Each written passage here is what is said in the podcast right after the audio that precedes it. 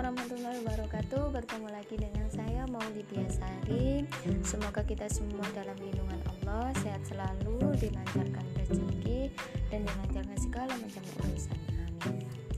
Hmm, Di dalam kesempatan podcast kali ini Saya ingin mencoba membahas sedikit mengenai uh, Komunikasi di masa pandemi ini.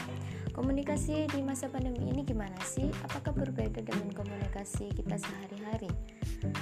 Berbicara mengenai komunikasi, tentunya kita akan berbicara mengenai keseharian juga, karena komunikasi merupakan hal yang pokok yang dimasukkan dalam keseharian kita, di mana pun kita, apa pun situasi dan kondisinya, dengan siapa pun kita, maka komunikasi pasti akan dilakukan.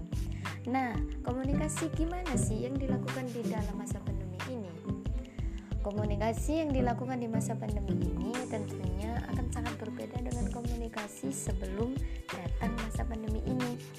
Tapi, apakah pada masa pandemi ini komunikasi ini tidak bisa dilakukan? Oh, tidak. Tentunya masih ada beragam cara untuk bisa melakukan komunikasi. Karena pada dasarnya komunikasi itu sudah ada dua macam, verbal dan juga non-verbal.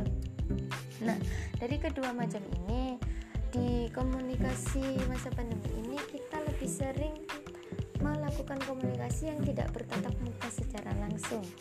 Ya meskipun itu e, juga tergolong dengan komunikasi verbal karena saling interaksi satu sama lain. Hmm, kita yang biasanya dihadapkan dengan bertatap muka forum diskusi tentunya akan e, berubah menjadi 70% derajat dari keseharian kita sehari-hari. Gimana sih perubahannya itu? Perubahan itu semua komunikasi yang biasa kita lakukan akan berubah ke situs media online. Aplikasi-aplikasi online yang untuk dibuat komunikasi akan sangat bermanfaat di sini. Karena apa? Karena di masa pandemi ini kita uh, dituntut untuk menjaga jarak dan juga dan juga uh, menghentikan social distancing, menghentikan kontak sosial dengan orang lain.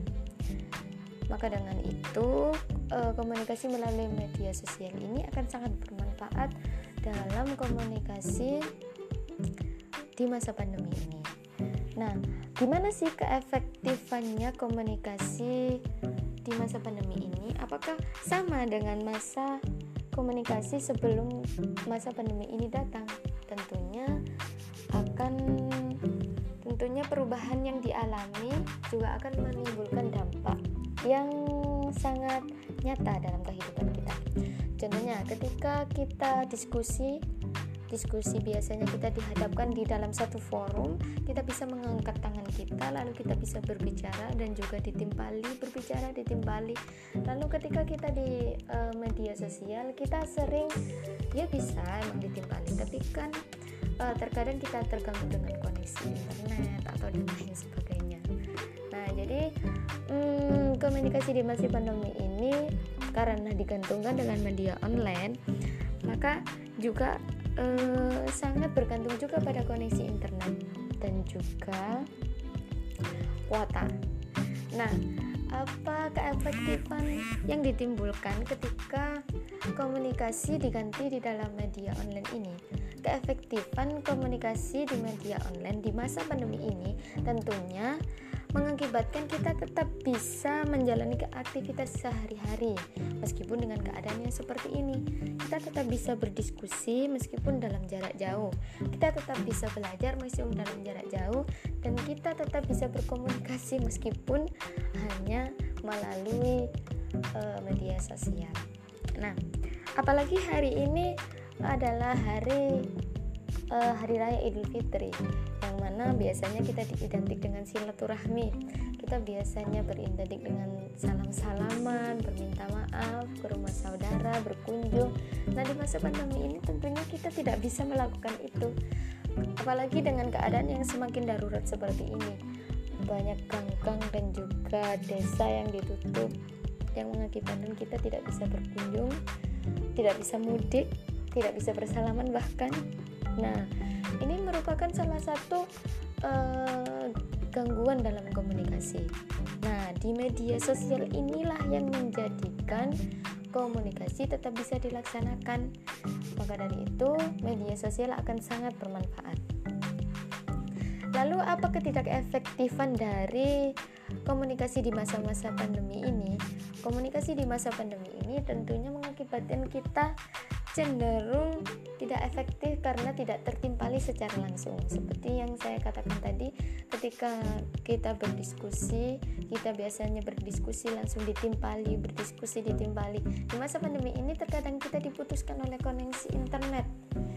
Nah, dan maka dari itu uh, komunikasi di masa pandemi ini yang merubah situs bertatap muka secara langsung menjadi situs media sosial itu sedikit mempunyai keefektifan dan juga ketidakefektifan. Lalu, apakah eh, ketidakefektifan itu menjadikan kita tidak menggunakan media sosial? Hmm, tentu saja tidak. Ketidakefektifan itu tetap kita kita buat pelajaran untuk kita senantiasa menjadi lebih baik dan juga mencari terobosan-terobosan baru agar kita bisa tetap melakukan komunikasi meskipun tidak bertatap muka. Ya, tentunya kita dalam keadaan seperti ini kita kesehatan kita di nomor satukan, keselamatan kita di nomor satukan, yang pasti um, tidak menghalangi komunikasi kita sama sekali. Banyak sekali um, aplikasi-aplikasi media sosial yang eh, baru-baru uh, ini marak digunakan. Yang baru-baru ini mendapat mendapatkan uh, penggemar banyak dari para pengguna media sosial di masa pandemi ini. Contohnya seperti Google Google Meet Google Zoom lalu apa namanya bisa menggunakan memakai Skype itu juga bisa. Pokoknya hmm, biasanya kita yang dihadapkan dengan diskusi maka aplikasi yang banyak dicari oleh penikmat diskusi yaitu aplikasi yang bisa menampung banyak suara dan juga menampung banyak tatapan muka. Nah maka dari itu kita sepintar-pintar memanfaatkan keadaan yang seperti ini. Yang pasti stay healthy stay at home and stay smile. Terima kasih Assalamualaikum warahmatullahi wabarakatuh